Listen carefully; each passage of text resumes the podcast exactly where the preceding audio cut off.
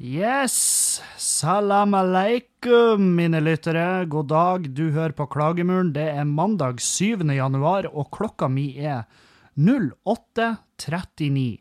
08.39, så jeg er fairly tidlig på nå i dag.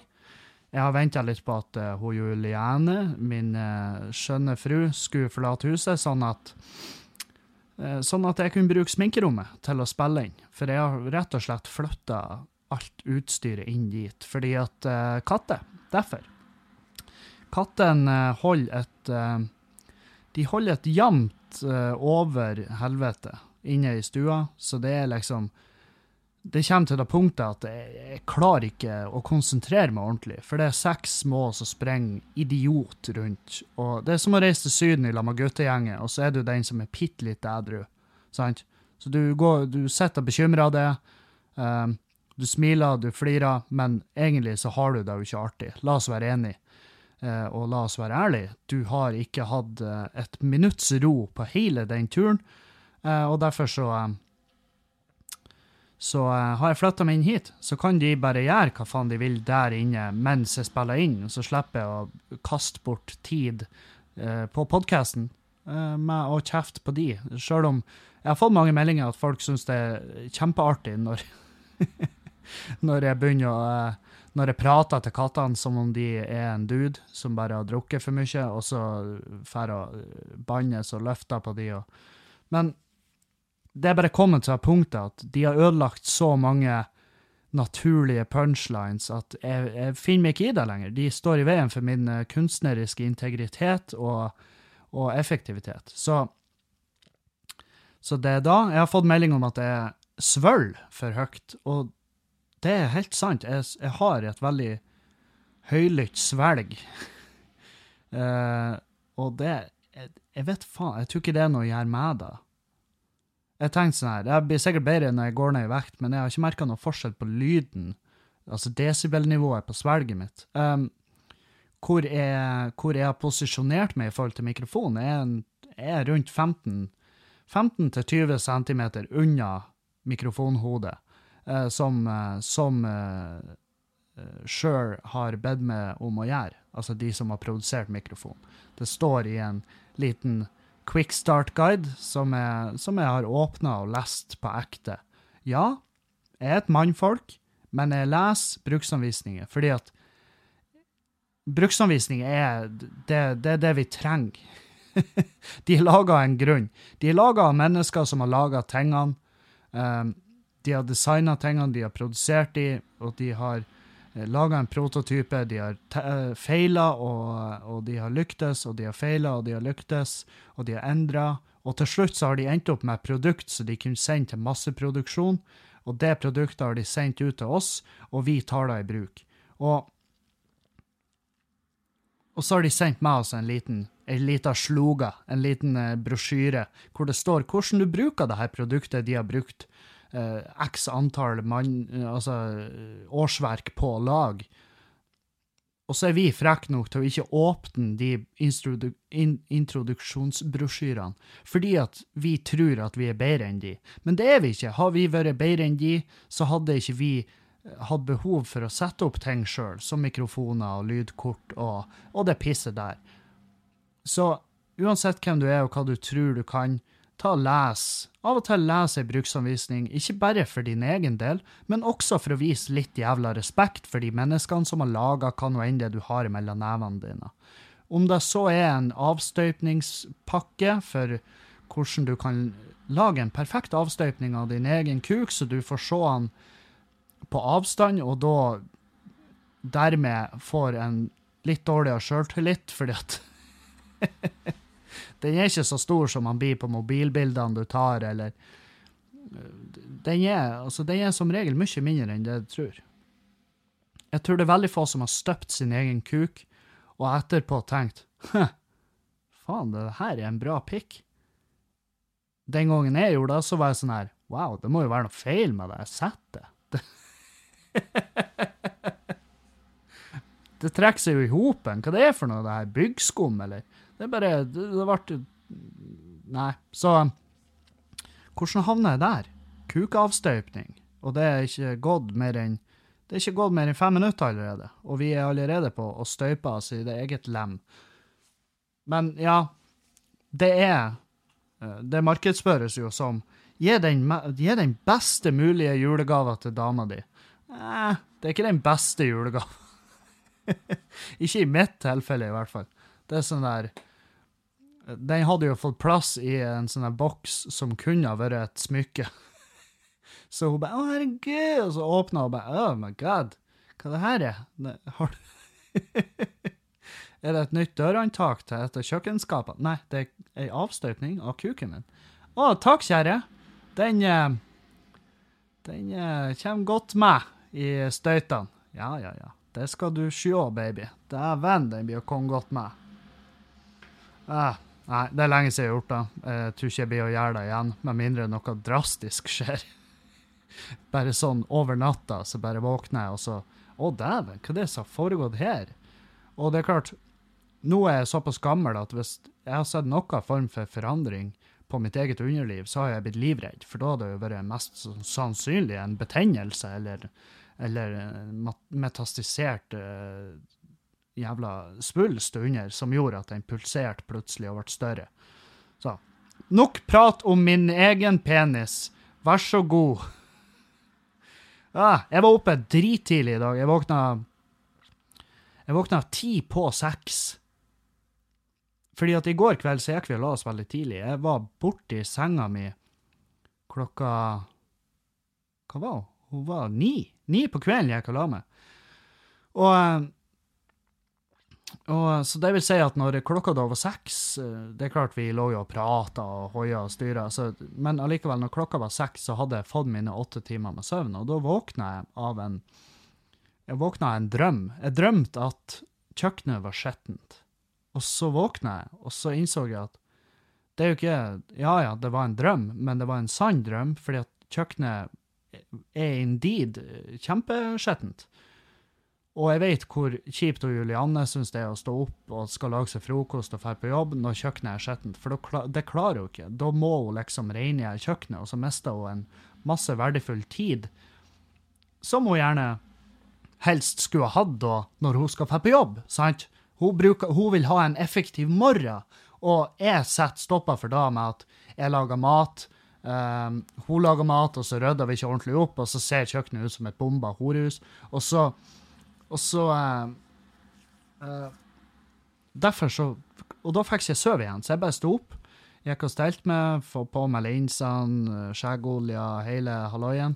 Og så eh, gikk jeg opp på kjøkkenet, og så, gjorde så rengjorde jeg kjøkkenet, sånn at det var uh, smooth og deilig til hun sto opp. Så jeg sto opp lenge før hun som har en ekte jobb.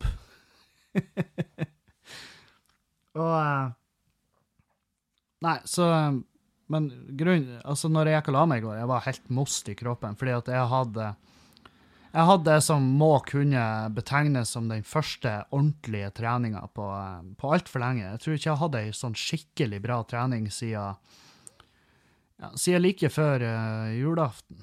Jeg tror jeg var trena kanskje den tre Nei, den 20. 20. desember må være den siste sånn skikkelige treninga jeg hadde. Og, em, og det, ja, det kjennes at det er såpass lenge siden. Og det er ikke sykt lenge siden, det er jo ikke da, men det er såpass lenge at, at allerede i dag Jeg var i går, men i dag så er jeg blitt fettstøl. Jeg er skikkelig støl, og eh, spesielt i ryggen, så jeg har jo truffet den bra. For så vidt brystmusklene òg. Deilig. Elsker når jeg er støl i brystmusklene, for det er sånn her det er et område jeg sliter med å isolere når jeg skal trene. Så det er digg de gangene jeg kjenner det der. Og jeg vet at etter hvert som du trener, så blir du ikke like støl av treninga, men du, du har fortsatt den samme effekten. Det er bare at det er ikke like vondt. Men jeg skulle ønske man ble like støl i brystmusklene hele tida. Uh, I hvert fall. Så jeg var og trena. Jeg gjorde en eh, lett jogg først. Uh, og lett jogg ble til lang jogg, og så hadde jeg plutselig jogga fem kilometer. Og da var, jeg, da var jeg jævlig fornøyd, for jeg var sånn wow. Etter den jula og den eh, praturen og, og eh, så, så, var ikke jeg, var ikke jeg overbevist om at jeg skulle greie å jogge fem kilometer, men det greide jeg fint, og jeg har ikke vondt i føttene, så det er jo et bra tegn. Eh, og så gjorde jeg vekt, vektløfting og litt sånn kropps... Uh, sånn der trening med kroppsvekt og i slynge, litt i slynge, fordi at det bygger jo sånn kjernemuskulatur. Viktig med kjernemuskulatur, i hvert fall jeg som trenger å få rensa tjern. så Nei, så det var det kjenner jeg på nå, og da, det vil jo si, når jeg kjenner på det nå, så vil jeg kjenne på det i morgen enda mer. Det er det som jeg vet, og det er det som skremmer, for jeg lurer på hvor jævlig blir det. Uh, spesielt lårene, for jeg sliter allerede med å sette meg ned på dass. Og det er jo ikke Jeg hater når jeg blir så støl at jeg ikke greier å sitte på dass ordentlig uten å Altså, jeg greier ikke å kose meg på do. alle, i hvert fall jeg tipper alle guttene prater om at det, vers, det, beste de vet, er å sitte på dass. Sånn, vi har i hvert fall sagt noe i den duren, eh, de fleste av oss, uh, til de andre guttene. Jeg vet ikke om jenter sier, sier da til hverandre, om dere jenter er sånn faen, det beste jeg vet, er å drite. Men det, det er kjempedigg, og uh, jeg vil ikke jeg vil ikke bli kvitt den gleden, for når du ikke har glede av å sette på dass lenger, så, så er det liksom Da er det plutselig et ork man skal nesten glede seg til å gå på do. det er viktig. Det er, en, det er, en, del av livet. Så um, Nei. Så jeg utnytta morgenen da til å gjøre inn kjøkkenet, og så så jeg en dokumentar på sånn her 50 minutter, 40 ja, 40-50 minutter, som uh, min trener Trond Kitussi har sendt til uh, alle de deltakerne i min pulje på, uh, på det her vekt på det her keto-diett-greiene. Easy Life. Um, og han har lagt ut en dokumentar der som var, sånn, som var veldig aktuell for oss, da. Uh, fordi at de går på samme dietten, de folkene i den dokumentaren. Og de tar opp myter og uh, sånn der med, med sånn her very low calorie diet. Um, hvor de har masse overvektige deltakere. Det, det, er jo nesten som en sånn her det er som en sånn Biggest Loser, bare at de har ikke De har ikke to lag med to um, ufølsomme trenere. De har Det er et helt gjeng, og det er ikke noe konkurranse. Uh, men de skal på den dietten, og så skal de prøve å oppnå en livsstilsendring. og og det, jeg liker med den uh, dokumentaren, er at de tar opp alle de mytene og alle de spørsmålene som jeg får tilsendt, f.eks. Så den, den ligger ute på NRK nett-TV. Den heter Fremtidens diett. Så hvis du sitter inne med masse spørsmål om det her greiene som jeg holder på med, så er den, det er en fin dokumentar å se, fordi at eh, du får svar på mye mer av da, de spørsmålene som jeg kan svare på, fordi at jeg har ikke peiling, egentlig. Så jeg prøver å moderere meg. Jeg prøver å ikke svare på ting. Sjøl om jeg er ganske sikker på hva svarene er, så vil jeg ikke jeg vil ikke si noe som uh, kan misforstås, og dermed så kan jeg til syvende og sist skade noen. Sant? Så um, Men de sa um, De sa den dietten var En ting som er greit, det er liksom den dietten er ikke for hvem som helst. Det er for de som må gå ned masse. Rundt 13 kilo, liksom. Um, og så er den dietten ofte spørsmålet, det spørsmålet jeg får, og det, det er påstander jeg får, ikke spørsmål. Folk som sender melding til meg og bare sier det her er drit, du må slutte med en gang, du blir jo drept deg sjøl. Du får ikke i deg alle næringsstoffene du trenger, alt av mineraler vitaminer og det her. Um, som er bullshit. Jeg får i meg mer vitam uh, vitaminer og mineraler enn jeg noensinne har gjort i hele mitt liv. Uh, på denne dietten. Og det er rett og slett fordi at um, de shakene, suppen og barene som jeg lager, det, det, det, er bra. Uh, det er mye næring og mye proteiner, og dermed uh, mye mer av de stoffene som jeg trenger, enn når jeg kjører mitt vanlige kosthold, eller det gamle kostholdet. Så har jeg ikke fått i meg de mineralene og vitaminene som jeg trenger, og dermed så, så kan man ikke bruke da. Man kan ha mange argumenter for eller mot en sånn diett, men, uh, men ikke den. Det argumentet holder ikke. Det holder ikke. Så, uh, når jeg er ferdig med dietten, så blir jeg fortsatt å bruke de shakene og de barene, i hvert fall som mellommåltid. Og jeg blir å brukt av Jeg blir jo ha et respektabelt lager av de her kostholdserstatterne lenge etter jeg er ferdig med, med programmet. Rett og slett fordi det, det er fort gjort, det er veldig greit som et mellommåltid.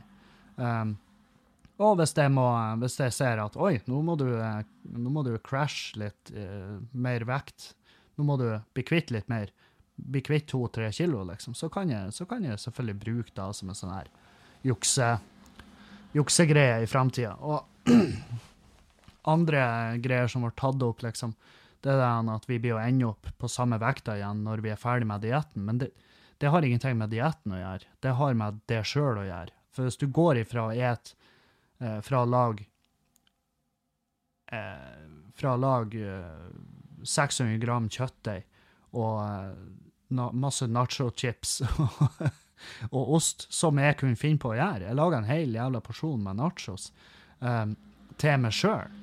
Fordi at Julianne spiser jo ikke 600 gram kjøttdeig, hun spiser ikke 1 gram kjøttdeig fordi at det er kjøtt.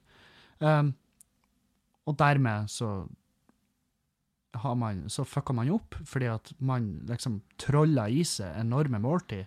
Og samtidig at jeg spiser Når jeg er på med den, min gamle kosthold, så spiser jeg to ganger dagen, som er jo ikke bra i det hele tatt. Det er ikke det kroppen trenger.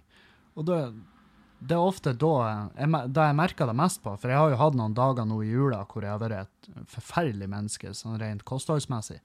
Men jeg har også vært, jeg har også vært rimelig flink. Men jeg kunne ha vært flinkere, og, jeg, og det skal jeg bli. Men det jeg merker, det at når jeg de dagene der hvor jeg fikk liksom bare to måltid, da merker jeg hvor jævlig gretten jeg blir. Jeg blir så jævlig gretten, og det er fordi at du får et blodsukkerfall, sant? Og det går utover humøret, og det går utover alt, egentlig. Så det er en av de viktigste tingene for min del, det er at jeg holder et struktur i hvor ofte jeg spiser. For jeg skal ha fem dager, så enkelt er det. Og og det Men, men nei. Jeg digga det. Jeg syns det var en jævlig fin dokumentar, fordi at de, altså de reverserte f.eks. diabetes type 2 hos en dude. Han hadde fått diagnosen diabetes type 2.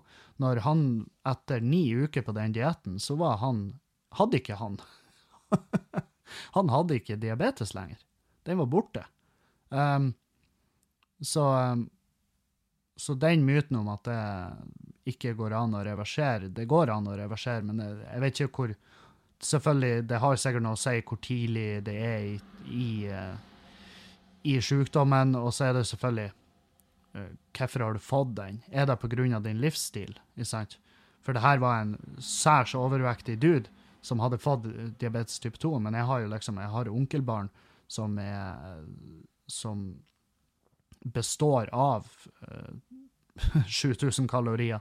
Så altså, hun er, hun er, veldig ung og har diabetes. Så det er ikke, det er ikke nødvendigvis en livsstilssykdom. Det, det, kan være at kroppen din bare utvikler det fordi at den, den ikke prosesserer næringsstoffene på samme måte som hvermannsen gjør. Uh, så, så, hun kunne jo ikke ha endra det via den dietten. Da har hun mest sannsynlig skada seg.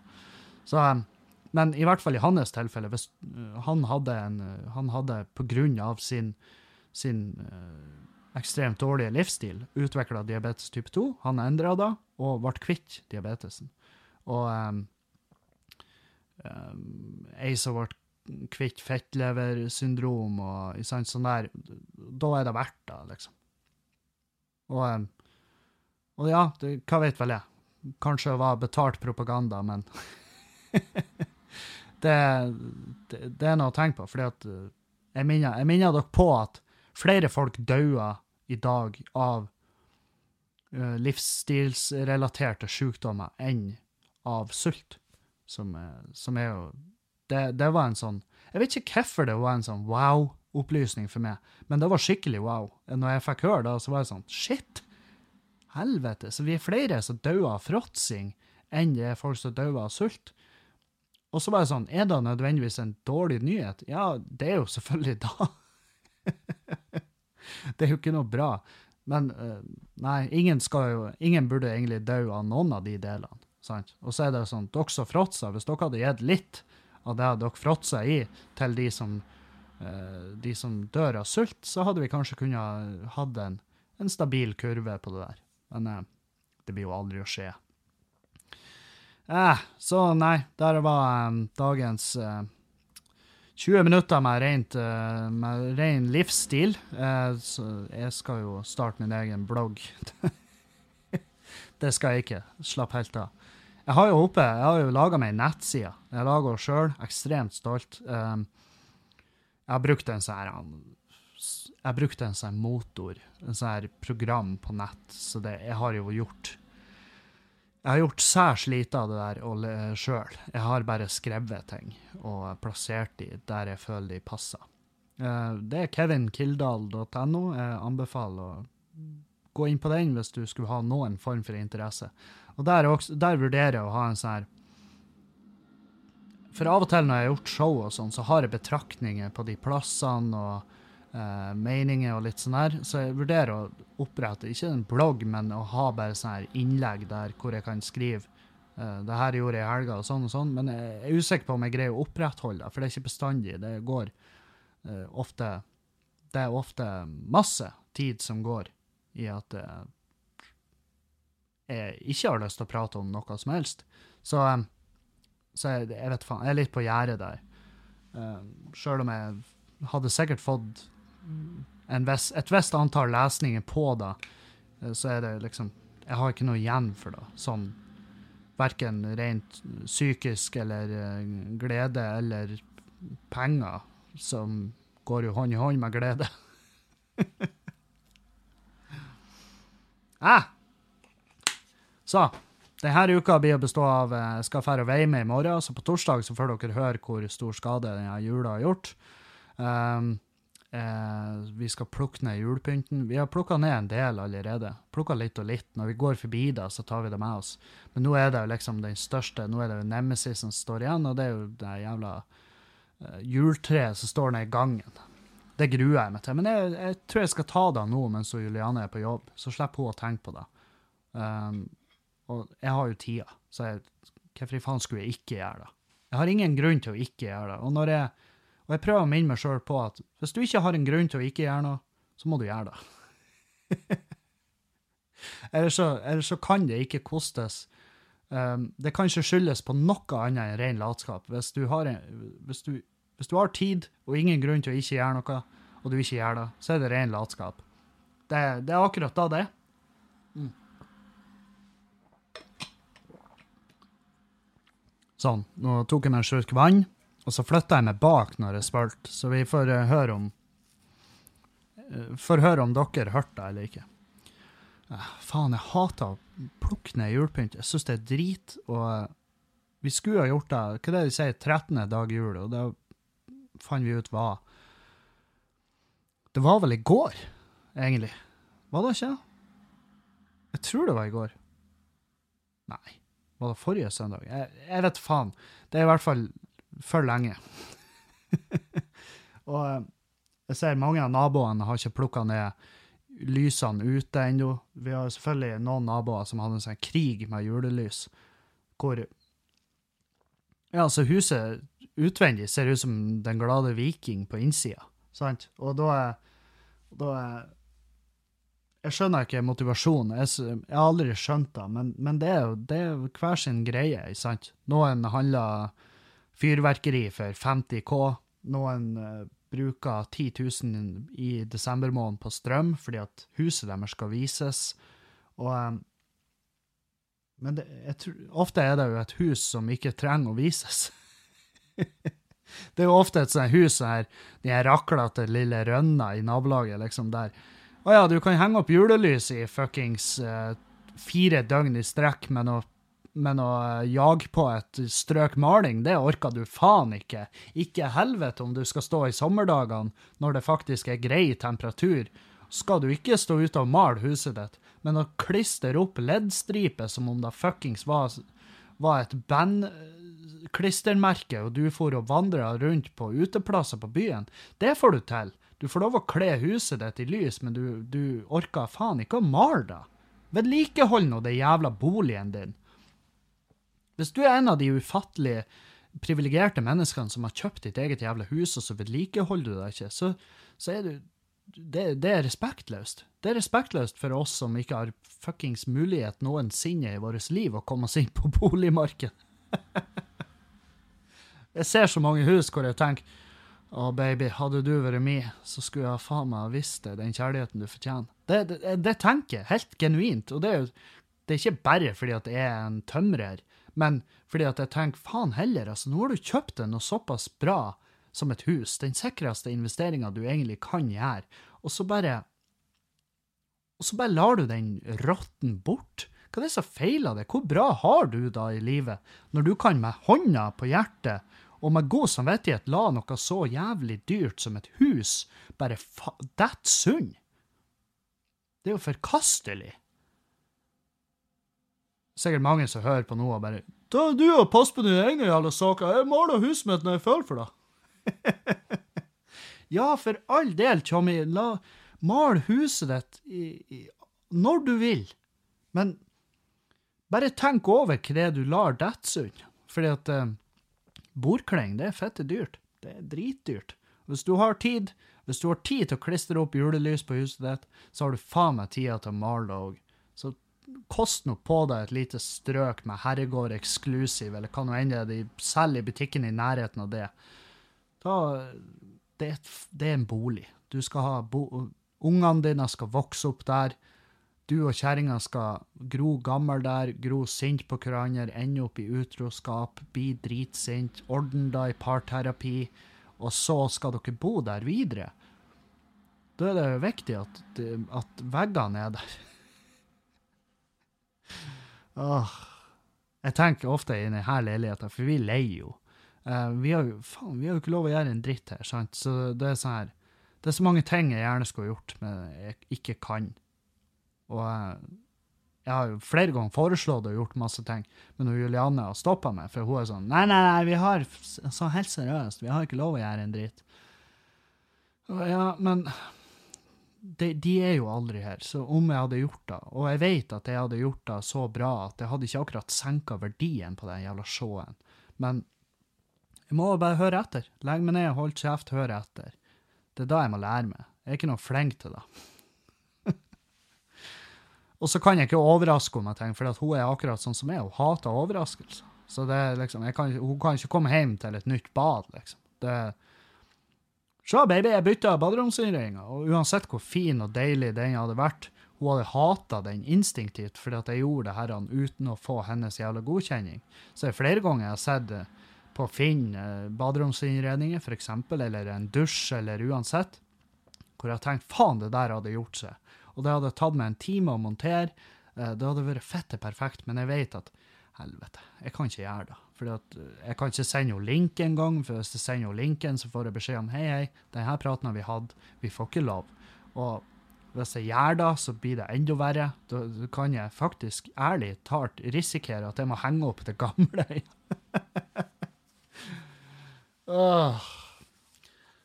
Så nei, der har du mitt limbo. Så mal fuckings huset ditt, for du aner faen ikke hvor bra du har det, din pikk. Og du òg, fruen som hører på. Jenter kan male hus, de òg. Det er ikke bare vi. Jenter kan male hus. Og nå, ja, jeg ser jenter male hus. Jeg ser det oftere nå enn jeg gjorde når jeg vokste opp. Som er sykt. Jeg kan allerede nå, i en alder av straks 30, så kan jeg si jeg husker når ting var annerledes. Og det, det er ille. Jeg kan huske når en glass cola kosta ti kroner. Da var tider, da. Kais gatekjøkken drakk meg i hjel på hamburgerdressing. Da var så jævlig tider.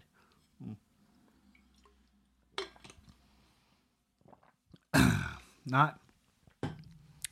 Alt forandrer seg. Alt forandrer seg. Ei, ei. Jeg må si at um, den Fjøsen Live som er nevnt i uh, Crosspod med Erlend, den blir ikke noe av. Uh, Foreløpig så har jeg ingen datoer på Fjøsen Live, og det er rett og slett fordi at uh, jeg har etter jeg la ut den videoen på Facebook-sida mi at jeg trengte plasser å opptre, så har det eksplodert i innboksen, og jeg har satt opp show i fuckings hele Norge. Eh, sånn testshow på, i utkantstrøk, så jeg skal overalt. Um, jeg kan nevne eh, i hvert fall i det som jeg har til nå, og det er jo i fleng. Hvis dere gir meg noen få sekunder her, så skal vi se. Um, skal ikke nevne ting som ikke er bekrefta. For det er litt dumt. Uh, skal vi se. Jeg har jo nå Det er nå til helga, fuckings. Det er nå på torsdag. Så skal jeg på Mellombels ølstove i Bryne. Og så på lørdag Nei, på fredag så er jeg på Stavanger sportskafé. Uh, så jeg lurer på om jeg har sagt feil dager der tidligere. For jeg er så vant til at det er fredag og lørdag, men det er torsdag og fredag. Så torsdag i Bryne, lørdag Nei, faen, helvete! Hei, hjerne, kan du begynne å funke, eller hva det er som foregår? Har du ennå juleferie? Våkn opp! Si det riktig nå. Si det i kor med meg. Torsdag på Bryne. Fredag Stavanger Sportskafé. OK? Uh, skal vi se 17. januar, da er vi på Nordlendingen. Der er det få billetter igjen, faktisk. Det selger som faen. Uh, så hvis du skal på Nordlendingen 17. januar, da må du henge i. Da er det med Jan Tore, uh, Emilie Tverbakk, som er fra Bodø, uh, skuespiller herifra, Henning Bang, Martin Meisterlin og Jesper Laursen. Og samme gjengen skal til Skubare den 18. januar, det er en freitag, en fredag. Uh, 19. januar skal vi til Rockhuset i Meløy og Skaret. Så har vi 25. januar, da skal jeg til Ludo Bar og Scene Harstad. Ludo Bare Scene Harstad. Billettene er i salg, og de selger jævlig bra allerede. Uh, 8. februar skal jeg på Malmen i Narvik. Uh, 9. Nei, 8. februar, sorry. 8. februar skal jeg på Malmen i Narvik. 9. februar Sosialkontoret i Ballangen. Sosialkontoret, verdens beste pubnavn i Ballangen. Um, 22. februar. Min bursdag. Da blir jeg 30 år, nemlig. 30-årsdagen min skal jeg feire på Beiarn kro og hotell. Der skal jeg opptre. 23. februar skal jeg til Steigen vikingstue. 2. mars skal jeg til Klokkarvik grendahus. Og det er rett og slett fordi at 1. mars og 28. februar Nei, 29. februar. Hva det blir? Ja, det blir 29., blir det ikke? Ja, i hvert fall da skal jeg Eh, på Riks i Bergen. Eh, Standup Bergen. Riks.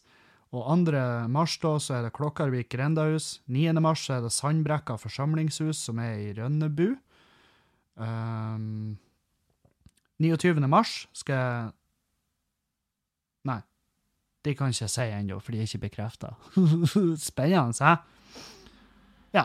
Og det er det som foreløpig er lagt til, og det her er, har skjedd på rekordtid at jeg har bekrefta alle de her gigene.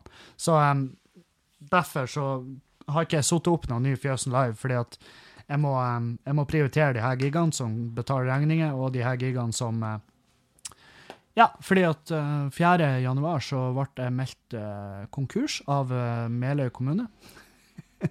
og ikke sendt på de i det hele tatt. De gjør bare jobben sin. Det er min feil. Det er min feil at jeg havna i uh, ugjerdet hos, hos namsmannen, skattefuten. Så det er rett og slett skatt. Det er skatt jeg har ikke meg vilje unndratt, fordi da ville jeg prøvd å skjule det. Uh, jeg har ikke prøvd å skjule det i det hele tatt. Jeg har levert et fullstendig regnskap, og det viser at jeg har betalt for lite skatt, og det må jeg nå betale. Uh, jeg rakk ikke å betale det for nyttår, da meldte de meg konkurs 4.1. Så jeg må så jeg må rett og slett fortelle dem at jeg angrer på alt jeg har gjort, og, og, det her, og det gjør jeg jo. Så jeg skal Jeg må bare fikse det her. Uh, hva betyr min personlige konkurs for dere? Ingen verdens ting. Ingenting. Så ikke bekymre dere. Ikke begynn å Dere trenger ikke å donere penger. uh, ikke, ikke hjelp til. Dette er en, dette er en Nå er jeg brent meg på fingrene, og det må jeg rett og slett ta tak i sjøl. Uh, og det er derfor jeg gikk ut og hadde en sånn panikkbooking hvor jeg Ja, foreløpig så blir å få booka opp alle helgene fram til sommeren, og i tillegg eh, noen av ukedagene. Så uh, det, det er dritbra. Og det gledes til å komme seg ut på veien igjen. Jeg gleder meg nå til helga, liksom skal få gjort, gjort litt klubb. Jeg er kjempeglad i klubb. Eh, og Stavanger er jo en jævlig fin by. Og så kan jeg også fortelle at eh, billettene til premieren på Skamløs den eh, 20. 20. september, de ligger ute, og de selger eh, allerede veldig bra. Så eh, 20. september, premiere på Skamløs i kjelleren på Nordlendingen, eh, som er, er ei scene jeg elsker overalt på jord. Eh, de billettene selges allerede, så hvis du vil sikre deg en billett dit, så må du kjøpe på forhånd. Eh, det blir ikke noe salg i døra der. Eh, og den uh, Faen, jeg gleder meg til premieren min. Herregud, hvor deilig jeg blir. Uh, nei, så der. Så det er uka. Masse skjer, masse booking, og jeg er ikke ferdig å booke ennå, og fortsetter å booke. Um, jeg har fått masse forespørsler som er, er rett og slett ydmyk. Ydmyk og, og rørt over hvor mange som har lyst til å ha besøk av det her fjeset her. Og det, setter, det, det er jo da som gjør det her hele driten verdt, da. Det, det er liksom dere, sa. Ja, så når jeg har plukka ned julepynten og alt det her driten, så, så skal jeg lese meg opp på Jeg skal lese meg opp på ting og tang. Jeg har begynt å lese på Jeg har begynt å lese på ei bok, eh, og den leser Jeg vet ikke hvor lurt det er, men eh, jeg leser ei bok som heter Sapiens. Um, jeg begynte å lese på den samtidig som jeg leser på kunstig intelligens-boka. Uh, den kunstige intelligens-boka har jeg oppe i stua, så den leser jeg i godstolen av og til. Og det er rett og slett fordi at det er, det er ganske mye tyngre stoff der, så jeg må liksom lese da når jeg er våken. Mens den Sapiens-boka, ja, det er tungt stoff, men jeg finner det hakket mer interessant, så det er lettere å lese i senga uten å dø. Um, så med Sapiens, A Brief History of Humankind av Yuval Noah Harari. Uh, og den kan jeg uh, Den kan jeg allerede nå. Jeg tror jeg er på side 27, og jeg kan allerede uh, anbefale den av hele mitt hjerte. Av hele mitt hjerte kan jeg. Som er ei bok om hvordan i hvert fall foreløpig, så den, den tar for seg helt ifra starten hvordan Homo sapiens eh, Hvorfor er vi de eneste som er igjen? Sant? For, for du skal ikke mer enn 10 000 år tilbake i tid nå, så hadde vi eh, flere typer mennesker. Vi hadde flere arter. Altså, vi hadde flere raser, på en måte. Hva, hva som blir rette termet. For mennesker, det er jo Det er en paraply det er paraplybegrep. sant? Så det blir som, eh, det blir som hund, sant? Det er menneske. Hund, menneske. Så har du forskjellige typer der. Sant? Vi har Homo sapiens, vi har Homo erectus, eh, Homo neandertalis, eh, sier jeg, men det, det, det, er et mye lengre latinsk ord. Um, det, det, er mange typer der, sant? og så plutselig forsvant alle unntatt oss Homo sapiens som uh, den boka funderer litt på hvorfor. Hvorfor er vi de som er igjen? Uh, for du har jo for eksempel uh, Vi har jo mye større hjerne enn alle dyra, sant? Vi, vi tok Vi, vi har utvikla oss og fått en veldig svær hjerne. Og større hjerne, jo mer energi bruker den hjernen. Og, og da ren fysisk energi. Det koster Altså, hjernen vår bruker 25% av den daglige energien vi trenger. Uh, så, som er grunnen til at dyr har såpass liten hjerne, fordi at de har ikke kosta på seg en større hjerne i evolusjon. Sant? Så de trenger ikke den store hjernen, de trenger bare akkurat det basistenkinga, kan du si, for å kunne skaffe seg mat og forsvare seg sjøl og rømme, og pule. Mens vi har kosta på oss en mye større hjerne, og dermed fått en mye altså mer sånn kognitiv bevissthet. Som vi kan jo selvfølgelig argumentere i årevis om vi egentlig har fortjent å ha kognitive evner i det hele tatt. For der, dere vet jo mitt syn på menneskeheten, det er jo at vi er jo i veien. Men, eh, men i hvert fall, hvorfor er vi de som overlevde?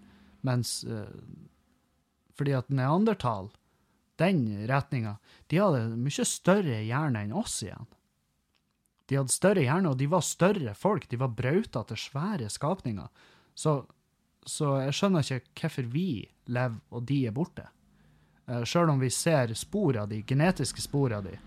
Det ser vi i våre gener nå i dag. Vi er liksom hva det var, det var 5 uh, neandertal, og vi har 1% erectus. ikke sant? Så vi har, vi har blanda oss med de før at vi kom til det punktet at genene våre var så forskjellige at vi klarte ikke å pare oss lenger. For det er det som skjer, ikke sant? Um, uh, hest og et esel. Sant? De, har, de er såpass forskjellige at de kan pare seg, ja, det kan de vel, men da får du et muldyr, og de er sterile. Sant? Og det er fordi at genene er så forskjellige at de skal ikke videreutvikle da igjen. Mens hunder og sånn, det kan du jo pare i alle himmelretninger, og så ender du opp med sånn Fabeldyr ser helt jævlig ut. så det, og det er vel sikkert derfor det ikke er akkurat eh, jeg har forstått det sånn at det er ikke lov. Uh, hvis du har en rasehund, så har du ikke lov å bare pare med en sånn skitten hund som har gått rundt på gården der, og dere er usikre på om det er det en hund, eller er, hva er det egentlig? Men den, den bjeffer, så vi tror det er en hund. Ja, OK.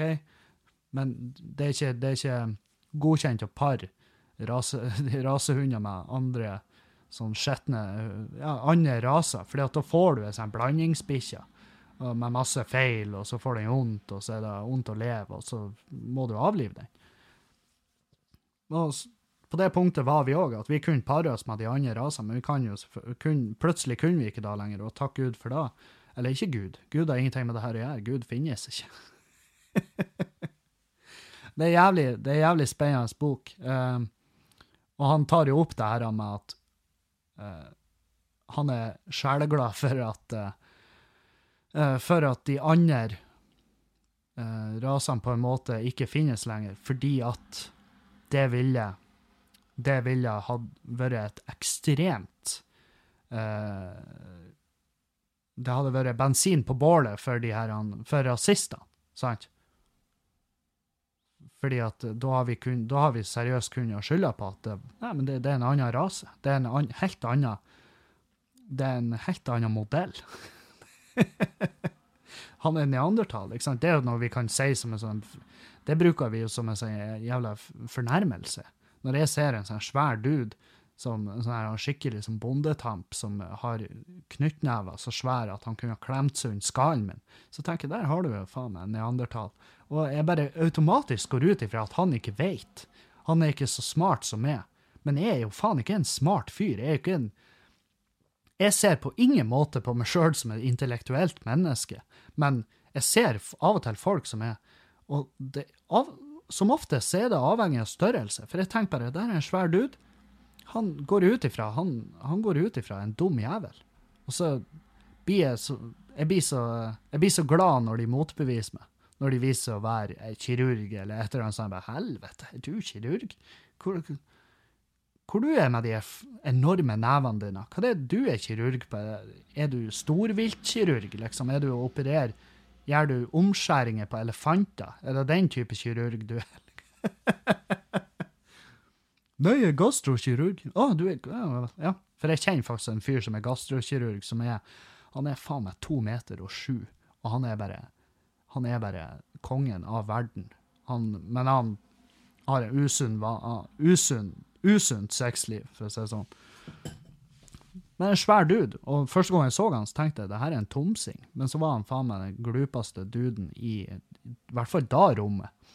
Så eh, Nei, så, så, så det, det, er liksom da den boka tar i betraktning masse greier som, som Hvordan hadde verden vært hvis de ennå eksisterte, de andre, eh, de andre rasene? og og jeg håper ikke, for vi har jo DNA nok ifra Vi har jo strengt tatt DNA nok ifra de rasene til å, til å klone de. Og, og det har jo Jeg har jo lest meg litt opp på nett og sett at det er jo mange som har bedt om tillatelse til å klone, um, og ikke fått det, heldigvis. Men uh, så tenker jeg jo at en eller annen plass er det jo noen idioter som driver på under, altså undergrunns eh, genetikk, og så driver på å leke seg med ideen om å klone enten fram eh, forferdelige dyr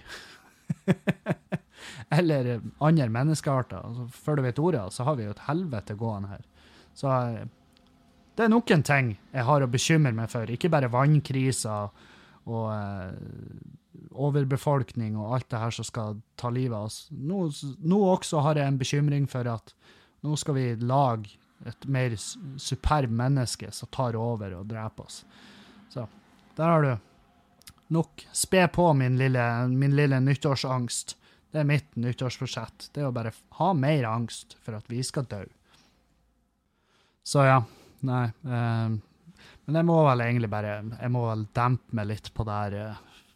Jeg har fått melding om at folk syns det Mitt syn på verden er deprimerende, men det er jo mitt syn. Altså, du, du, er jo, du, er jo, hjertelig velkommen til å tro at alt skal ordne seg.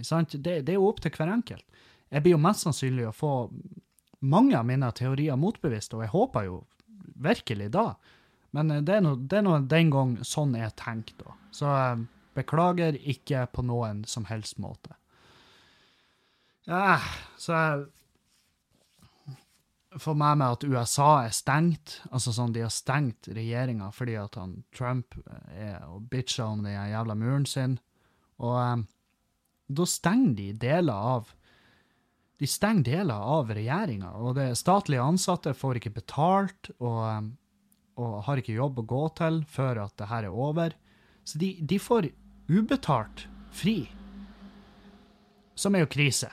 Um, og eh, gatene svømmer over av søppel og, og alt det her fordi Trump har bedt om Han må ha fem milliarder til å bygge den jævla muren sin, som han har prata om, siden valgkampen. Og, um, og den her forpulte muren som Mexico skulle betale for Eh, den trenger han fem milliarder dollar til, og det er ganske mye penger. Men det er allikevel ikke nok til å bygge muren. Muren blir å koste rundt 29 millioner dollar. Ja. Nei, 29 milliarder dollar. Jeg mener det var da tallet jeg så. Det, og det er penger. Det er fuckings penger. Og um, jeg bare sånn Ja, men var ikke Mexico skulle betale for det? Har du ikke ordna en avtale med de? Glemte du å høre med de først, om de kanskje var, om de var interessert i å ta den kostnaden? Eh, eller skal du forskuttere det, og så tar du det igjen i form av sanksjoner, eller hva nå enn i helvete? Hvordan skal du greie det her, Trumpolini? Og så det er hele forbanna landet stengt, eh, som får meg til å tenke ja, ja, jeg er glad jeg ikke skal dit på ferie. Er jo, men jeg har jo vært på tanken. Jeg har jævlig lyst til å reise til USA. Ikke for å oppleve Trump, men jeg har bare lyst til å oppleve USA. Jeg har så mange venner som har vært der, som bare digger det.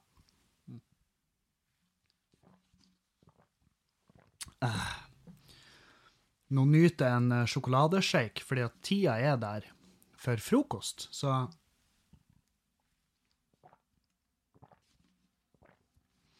I starten av den dietten så har jeg tomatsuppa, kyllingsuppa, jeg har faen meg havregryn, jeg har Eh, sjokolademuffins Faen, Det er så mye rart. Men det jeg sitter igjen med nå, det er sjokoladeshaken og sjokoladebarene. Det er da jeg får i meg. Jeg har masse supper igjen, men jeg får da faen ikke i meg. Syns ikke det er godt lenger. Så det ble jeg lei av. Men de sjokoladeshakene, de syns jeg er jævlig gode.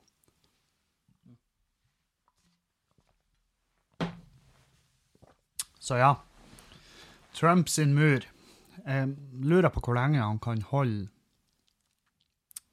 Hvor lenge han kan holde det her gående.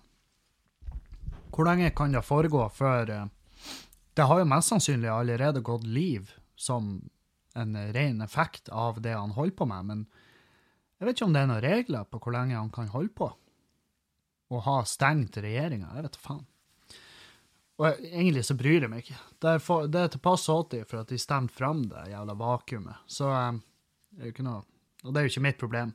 Mens han har stengt regjeringa, så jeg laga Så jeg hadde laga ei høyrygg av okse. Oh my god, det er så fette digg. Jeg har ei sånn jerngryte. Jeg har ei jerngryte som jeg bare kutta alt av grønnsaker jeg finner i kjøleskapet. Det var liksom eh, Det var et tiltak for å bli kvitt grønnsaker etter jula. Eh, jeg vet faen hvorfor, men vi har jo samla opp et Altså, vi har et meget respektabelt lager av, eh, av løk. Forskjellige løktyper. Sånn her små perleløk, sånn små rødløk, vanlig gulløk, va, hvitløk, purreløk, vårløk, faen meg. Så du skal ha en jævla løkfestival her, og så jeg hakka en masse av det driten her, hadde oppi jerngryta i lag med gulrøtter og litt frukt har jeg vel òg. Jeg tror jeg hadde et eple oppi. Og så hadde jeg oppi masse høyrygga okse, masse krydder, og så fylte jeg opp med øl. Og da bruker jeg det jeg har igjen av Baudin-øla. Da brukte jeg ei flaske med svartisen og ei med The Curse of William Penn. Og, og um, fyll det opp sånn at kjøttet er dekt. Og da setter jeg den gryta i ovn. Og jeg sto i ovnen i fire timer. Tre timer på 140 grader, og så siste timen jazza jeg det opp til 180.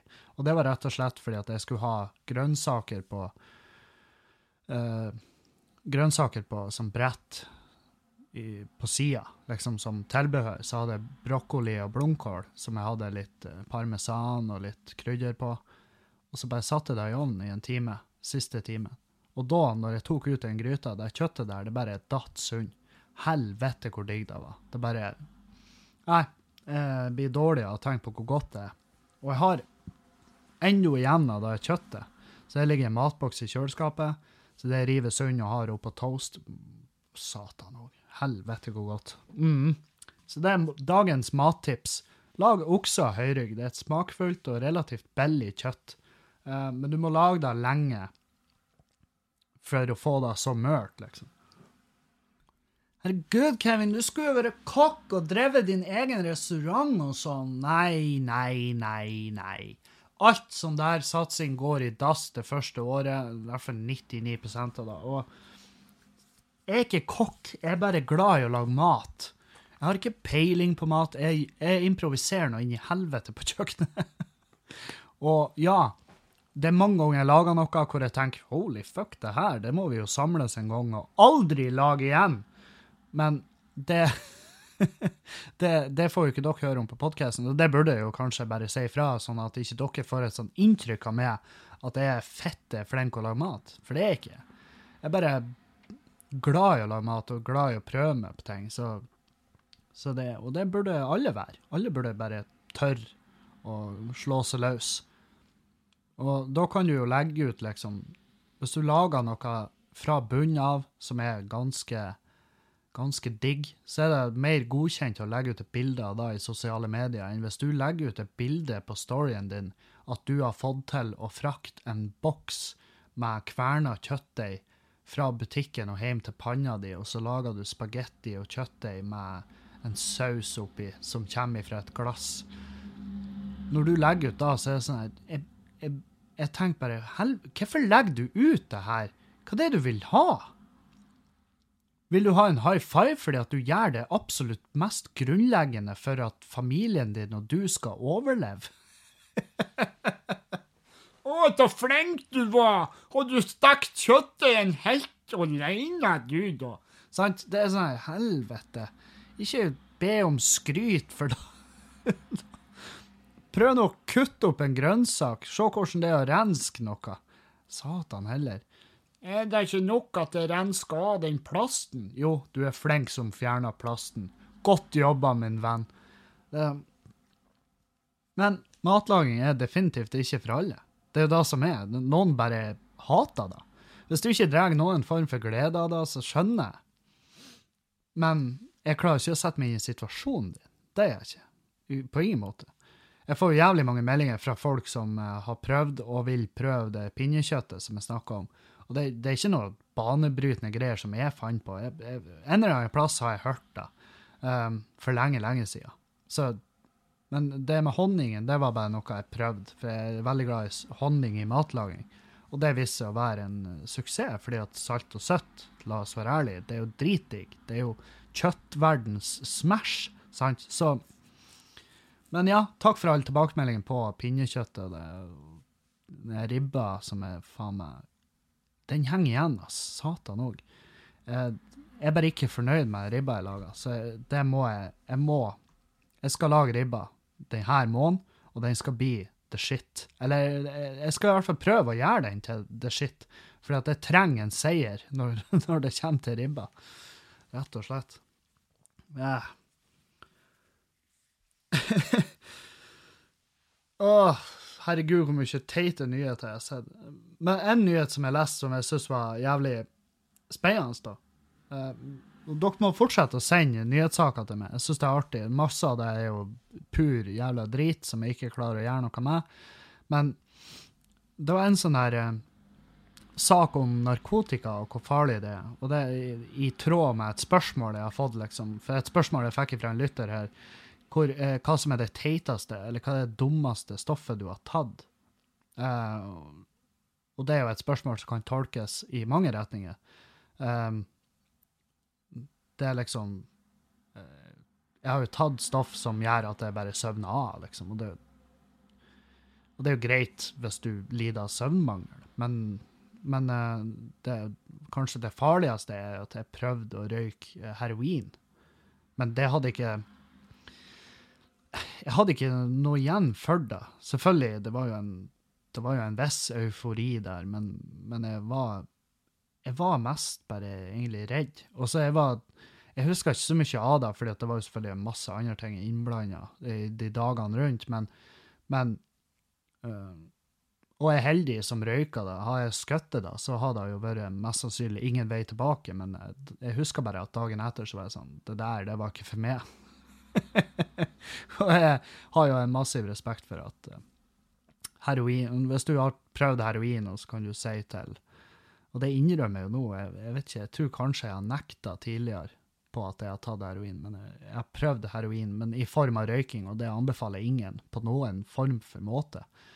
Um, det er et av de her stoffene som du du skal ikke fucke rundt med det, for det er et sånt stoff som av rent, rent kjemiske grunner Det har ikke noe med din det, uansett hvor jævla eh, målbevisst du er, og hvor jævla hard du er, og hvor jævla eh, sta du er, så er, så er, ikke heroin egentlig et stoff du kan komme tilbake dagen etter og si 'Vet du hva, jeg var ikke fornøyd med det her. Det var ikke for meg i det hele tatt'. Det, det er ytterst få som er så heldige, og det er rett og slett fordi at jeg har fått i meg for lite, eller, eller at jeg røyker det istedenfor å skyte. Det er mange grunner til det, men, men det er et sånt stoff du ikke fucker med. Det er ikke et sånn rekreasjonelt dop du prøver bare fordi at du syns det høres spennende ut. sant? For det er, det er fuckings det, er, det forandrer alt. Det er siste steget, sant? Så um, jeg ser tilbake på det og tenker, tenk på det som det aller teiteste jeg har gjort i hele mitt liv. Um, Sjøl om, um, selv om jeg ikke Altså, uh, konsekvensene var jævlig små. Men jeg innser også hvor jævlig heldig jeg er at konsekvensene var så små. Så, um, så det er jo definitivt det jævligste jeg har gjort, og um, kommer aldri til å gjøre det igjen, og anbefaler ingen på noen måte å gjøre det. Uh, men jeg, fikk, jeg fant en sånn sak liksom, om hvor, uh, hvor farlig, altså sånn samfunnsmessig og, og, på individuelt nivå, så hadde de liksom undersøkt hva er det som hva er det som koster samfunnet mest av alle dop som blir tatt. Og uh, i en britisk undersøkelse, da, hva er det som er det verste dopet? Det som tar mest, uh, mest liv og gjør mest skade på, på samfunnet, og det er uten tvil alkohol. Det er alkohol som troner den. Um, alkohol, og så kommer heroin, og så kommer crack cocaine, altså, som er jo kokain blanda med bakepulver og kokt og stivna og så blir det til sånn her jævelstoff. Som når det har, Jeg har ikke prøvd crack cocaine. Dæven, den dagen jeg røyka, røyka crack, da er Nei. Um, men i hvert fall um, Det var artig å se at alkohol trona øverst der, for det er liksom Det er en, det er en artig det er en, det er en, I mine øyne en fun fact å dra inn i alle de diskusjonene om hvor jævlig stoff er. ikke sant? Folk folk har Jeg møter på veldig mange bastante folk som er sånn 'Jævla knarkhaug', og ikke sant du har prøvd da, hører jeg. Jeg trodde aldri du skulle bli et jævla dophaug. Men ja, faen, du, sett, du lager jo heimbrent, så hvem i faen er du til å prate med om at jeg, hva jeg gjør med min kropp? Du lager heimbrent, som faen meg er noe av det jævligste som er blitt laga. Det går jo rett, det går jo hånd i hånd med sånn russisk garasjedop, sånn krokodil og det der fettskiten. For dette ødelegger så jævlig mye. Det ødelegger for samfunnet og for det enkelte mennesket. Og det var, det var, en artig undersøkelse, men det er klart, på individuelt nivå, altså per person, eh, per, per, liv, liksom, så, så, rankes det jo selvfølgelig annerledes. sant? Da har du jo heroin eh, øverst. For det, det, er det farligste stoffet sånn sett. For det skal så lite til for å overdose, det gjør ting med kroppen. Uh, og det er klart, uh, krokodil går jo over heroin når det gjelder hva som er farlig, men det er jo laga av fosfor og bensin og Faen, hva da? Det var så mye rart der. I det her stoffet, krokodil, som er jo laga av desperate junkier i Russland. Det var vel der de begynte å lage det. Uh, og for, for, å liksom lindre Lindre det trangen for heroin når de ikke får tak i det, for veldig ofte er det tørke. ikke sant? Og da, Så de får ikke heroin av, av, i sin mer naturlige form fra opiumvalmuen, men, men uh, heroin brukes det, det jeg også leste, at heroin brukes ennå som palliativ behandling i England. Eh, palliativ behandling er den behandlinga du får på sykehuset når det ikke er noe håp for det. Altså, Da er det bare lindrende behandling. Og mamma var egentlig i palliativ behandling på slutten av sitt liv. Uh, og det er sånn, Da får de gjerne morfin og Men eh, heroin brukes ennå i England der, så det er jo en fun fact. Eller fun og fun. Men den, på individuelt nivå så ligger liksom krokodil, heroin, kokain, nikotin på en, på en fjerdeplass. Tredje-fjerdeplass. Så har du downers, som er medisiner som demper angst og hjelper til, å sove. Og så kommer alkohol. Så det er liksom på det individuelle nivå kontra samfunnsmessig. Det er to helt forskjellige rangeringer. Så er det sånn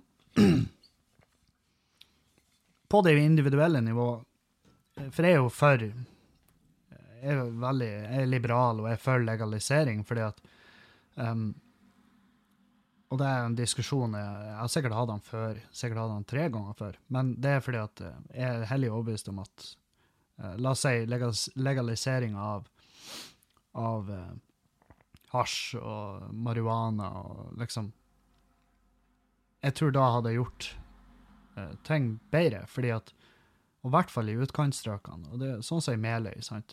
Der du får tak i hasj i Meløy, der får du også tak i andre ting. Der får du tak i alt det andre òg. Um, og det er klart, de selgerne vil jo at du skal ta alt det andre, for det er jo det du blir avhengig av. Um, og dermed bruker mer penger, og så er du ute og kjører plutselig, og så er du en sikker og fast inntektskilde. Da er du en klient i hans portefølje. Og du er ikke noe annet enn da. Du er en pengegris for han, ikke noe mer. Um, og han vil gi deg all den opplæringa du trenger fordi at du ikke skal overdose, fordi at da er du en kunde tapt. Så jeg tror at hvis det er hasj På den måten så er ja, definitivt hasj eller marihuana et, um, et, et gateway-stoff. Der du får tak i det, får du tak i andre ting, og han pusher på det andre ting. Selvfølgelig. Så blir det, ja, i den forstand en gateway drug. Mens uh, så, men det er jo en diskusjon man kan ha i tusen år, og alle vet jo at det verste som finnes i hele verden, det er jo å diskutere narkotika med en, med en uh, opplest stoner. Fordi at de jævlene der, de, altså de Det er en diskusjon de har så ofte at uh, du skal være Altså, du skal være et meget spesielt menneske hvis du greier å vinne den diskusjonen. Og det er klart, og da holder ikke argumentene eh, Hvis du fjerner argumentene fra bordet som 'Det er ulovlig, nemlig'. Det er ikke lov. Det er ikke det. Du har ikke lov å gjøre det. Derfor må du ikke gjøre det. Ikke hvis, du, hvis, du, skal gå bort ifra de Hvis du skal gå bort, bort ifra de argumentene, så er det liksom Ja, da, da sliter du litt. Uh, fordi at det er liksom det funker. Det funker som faen. Altså de ser, det, de ser det i USA, de ser det i uh, Altså, i den samfunnsmessige britiske undersøkelsen, så havna ikke eh, hasj, hasj og marihuana havna ikke på den lista engang, over hva som kosta staten penger der. Det er klart det koster jo selvfølgelig staten penger å spenne inn ytterdører til folk og raide huset deres fordi at de sitter og røyker hasj. Ja, det koster penger, men allikevel klarte de ikke å havne på lista der over de tingene som koster staten penger i den undersøkelsen. Jeg vet ikke om de hadde fem rangeringer på den, men uh, hasj og marihuana var ikke i nærheten der. Fordi at uh, Fordi at stonere gjør særs lite gærenskap. I hvert fall når de er stein. Og um, og så i tillegg så er de ofte De blir ikke like desperate for å få tak i. Så de gjør ikke innbrudd og eh, skyter folk og stjeler tingene deres for å selge eller eh, for å få tak i stoff. Men det må du når du er på heroin, fordi at du vet at hvis det ikke får tak i, så dør jeg. sant? Og alkohol Man blir jo aggressiv og jævlig når man tar alkohol. Så um, faen, jeg, har litt lyst til å ha en podkast en gang med Bare finne noen som har skikkelig peiling på alt det her jeg skal faen meg, notere det ned. Sånn at uh, Dopcast. Jeg må få tak i noen som som har noe å komme med, som har skikkelig peiling på det her. Jeg skal høre meg litt rundt, skal jeg gjøre. For det, det hadde vært jævlig fett å, å, ta prat med noen som, ja, som har litt peiling. For det, det, det, her er jo definitivt info som, som er nyttig for folk. Og, og jeg har jo fått jeg har jo fått for eksempel, jeg har fått kritikk fordi at jeg innrømmer de, de tingene jeg har prøvd, og de tingene jeg har tatt, liksom, og sier at det er opp til hver enkelt om folk har lyst til å ta det. Ja, det, men det er jo det. Det er jo opp til hver enkelt. Og, eh, og, eh, og jeg skal ikke være han som sitter og forteller folk hva de skal gjøre og ikke gjøre. Jeg kan anbefale dere å ikke gjøre en drit, men jeg, hva faen hjelper det? Det hjelper jo ikke i det hele tatt. Det som hjelper, er å ha informasjon der ute. Det hjelper. Det vet jeg hjelper. Så annet enn da, så skal det ikke Nå er vi inne i den perioden igjen at det skal ikke barberes armhule på jenter. Det må dere ikke gjøre. Og det er for å øh, Åh, det er for å ta et oppgjør med Disneys øh, altfor velbarberte, stereotypiske jenter. Så uh, og Ariel og Anastasia og alle de jentene der, og de i Frozen, de har ikke hår i armhulene, og derfor så må vi nå la det gro. Sånn at vi får ekle, hårete armhuler. Jeg barberer armhulene mine. Tenk på det. Jeg barberer armhulene mine. Fordi at jeg tenker Det er økonomisk. Det er økonomisk å barbere armhula si. For jeg bruker mye mindre av den deostikken min. Den, det går mye mindre når jeg har glatte, deilige armhuler. Og så syns jeg det, det, lukter mindre, um, og jeg syns det er finere eh, enn når det stikker en sånn liten tust fram. jeg hadde det en stund, så hadde jeg så mye hår under armene at når jeg sto med armene rett ned langs kroppen, så stakk det ut to sånne tuster under armene, så jeg så jo fett idiot ut. Og så var det ut som gikk med en sånn pelslue under hver arm. Jeg for og gikk og bærte på, spara til eh, til en kald dag. Bare, jeg har nå de her jævla med meg, får ingen plass uten.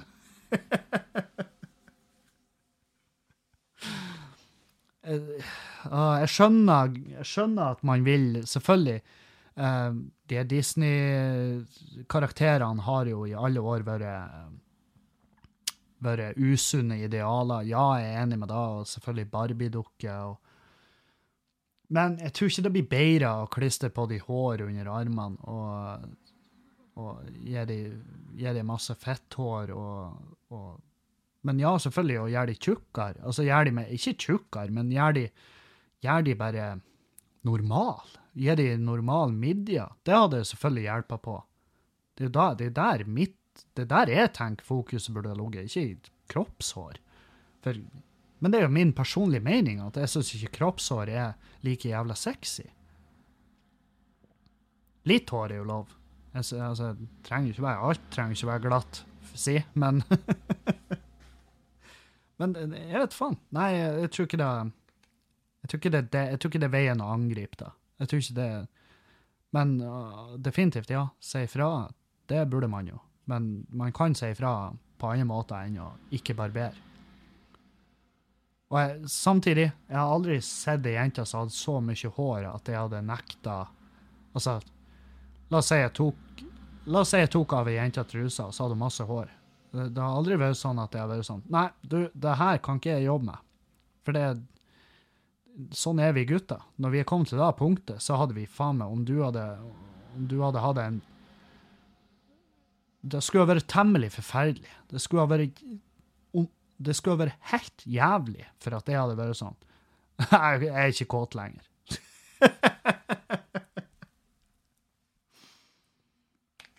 Så nei. Jeg tror ikke det Jeg tror ikke man angriper det på rette måten, men ja, ja. Så det. Skal vi se, skal vi ta noen spørsmål, kanskje? Ja, det kan vi gjøre. Um, skal vi se, jeg skal bare kopiere det her, sånn at jeg glemmer det. Uh, uh, uh, 23. Nå forbereder jeg allerede nå neste episode, så jeg elsker når jeg er litt sånn på hugget. Så vi se. Spørsmål her. Det her er en fin en. Den her er jævlig fin. Og fått, det er ikke den første jeg har fått av det her. Jeg har fått flere av de her. Uh, men det her er den som var Jeg vet faen, den var formulert som om hun gjør meg en tjeneste med å si fra. Hei, Kevin. Først av alt, takk for finfin fin podkast og takk for fine show. Har sett det live to ganger de siste fem årene. Takk for da. Men det er bestandig et fuckings men, ikke sant? Det er bestandig et jævla men. For min del har din overvekt alltid vært noe av det jeg likte med deg som komiker og menneske. Og jeg merker at mine interesser for deg blir mindre Nei, jeg merker at inter at jeg interesserer meg mindre for deg som komiker etter hvert som du går ned i vekt. La oss være ærlige. Tjukkaser er morsommere enn godt trente folk. Så mitt tips til deg er å alltid være litt tjukk, for hvis ikke så vil fansen sakte, men sikkert forsvinne. Ha en fin dag videre. Hilsen Hanne. Et datahjerte. Wow. uh, først av alt, fuck you, Hanne. Uh, fuck det lille fjeset ditt. Uh, måtte det bli facial abuse uh, på Pornhub. Det er en egen kanal. Jeg anbefaler deg å sjekke den ut. Og så ser du alle de videoene, og så tenker du deg at det der er da Kevin unna med. Facial fucking abuse. Um, skal jeg sakte, men sikkert dø av uh, hjerte- og karsykdommer for din egen jævla forlystelse? Det, det er ikke derfor jeg er her. Jeg er ikke her for det, Hanne. Jeg er her for min egen jævla del. Jeg gir faen i det. Og og det, Nei, jeg, jeg blir bare fornærma. Det er bare frekt. Det er bare jævlig frekt. Og de som, og de som måtte høre på nå og tenke at ja, men eh, det er jo sant. Tjukke folk er artigere enn tynne folk. Ja, det er jo jævlig Det er jo ufint mot de tynne folkene som faktisk er artige. og um, hvis noen syns jeg blir mindre morsom med at jeg går ned i vekt, ja, da må jeg Jeg blir ikke å beklage det engang. Da, da må jeg nesten bare beklage at dere ikke ble tatt bedre vare på under oppveksten. Spesielt du, Hanne. Hva enn du opplevde i barndommen, det er trist å høre. Helvete heller, altså. Satan òg. Det er så altså, Så mitt tips til deg er å alltid være litt tjukk, for hvis ikke så vil fansen sakte, men sikkert forsvinne. Det er ikke opp til det å fortelle da, Hanne. Ingen veit. Jeg har ikke mindre fans nå enn når jeg var tjukk. Jeg har mer. Jeg har mer lyttere på podkasten. Jeg har mer folk som kommer på show enn noensinne. Og så, så fuck off, Hanne. Ta og lek på E6-en. Ta en, en Birdbox Challenge, og så tar du på deg et øyebind, og så sprenger du over E6-en. Helt til du får et resultat som gleder meg. Og det resultatet vil jo ha vært at du spiser en eller annen grill på en svær jævla lastebil, og så blir du dratt en, ja, en og en halv kilometer til at du har fila bort kroppen din langs asfalten. Det er det unner det, Hanne. Fordi at du trenger å gå ned i vekt i form av at du mister alle kroppsdeler. Jævla fetthøl. Åh, Satan òg. Hei! Leise og godt nyttår. Nå er jeg gått videre på et nytt spørsmål. Før jeg drapstrua noen. Hvis du hadde måttet kjørt et Arnt Finesse-show, typ tvunget show, du får sette opp showet på ei valgfri scene i Norge og må ha, en, og ha med en valgfri support. Hvor og hvem? Krutepod, fastlytter. Nei, det må jo ha vært en plass som er like jævlig som hele Arnt Finesse-greiene, så da ville jeg ha valgt eh, enten Onkel Oskar i Mo i Rana, eh, sånn at de kunne svindle oss igjen, eh, eller på vårt hjem i Steinkjer, sånn at med det samme publikummet som var der når det var stolkasting og kauking og allsang med E6.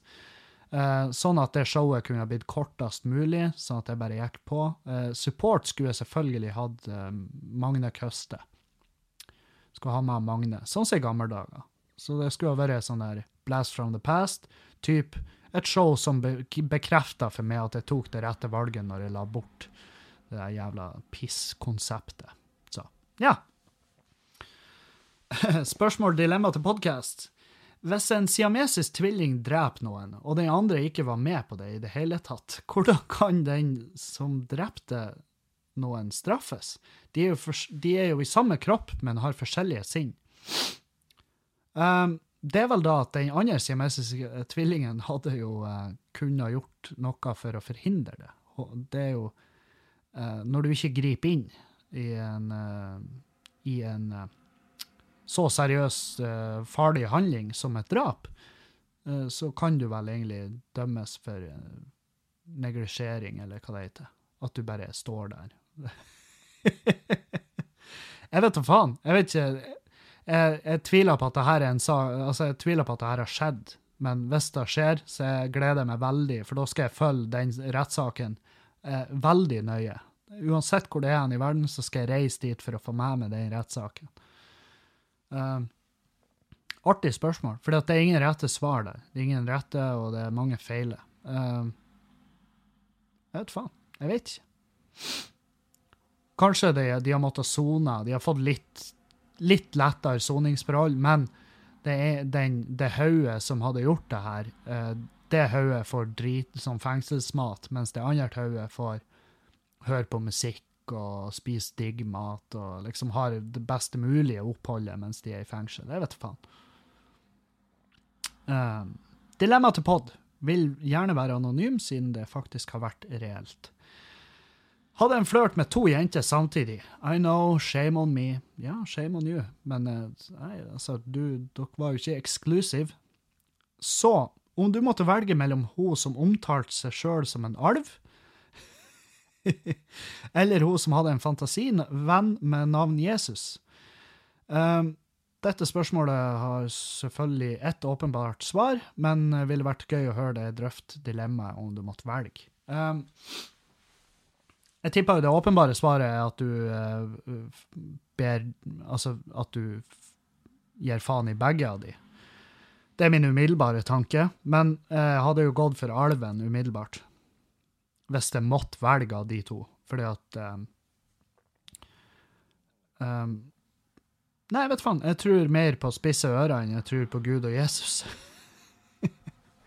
og det, det, hadde vært sånn Ja, jeg har sett alver i filmer og sånn der som jeg kunne tenkt meg å pult, men jeg har aldri sett noen som tror på Jesus som jeg kunne tenkt meg å pult. Så um, gå for alven. Uh, hvis du kan, gå for ingen av de. Uh, for det virker så mye stress. Så det. Skal vi se. Da har jeg Dæven, vi har sittet i 1 time og 20 minutter, så eh, da skal jeg rett og slett takke for meg. Og så takk for alle spørsmål og problemer og dilemma. Send inn til klagemurenpodkast.gmil.com hvis du har noe du plages med eller vil høre hva min jævla mening om. Uh, send med nyhetssaker, send med tema å snakke om. Takk til dere alle. Takk til alle som har støtta på Patrion siste dagene. Det setter jeg jævlig pris på. Um, dere hjelper med å holde det her reklamefritt. Så takk for meg. Ha ei en fin uke videre, og vi høres på torsdag. Auf Wiedersehen!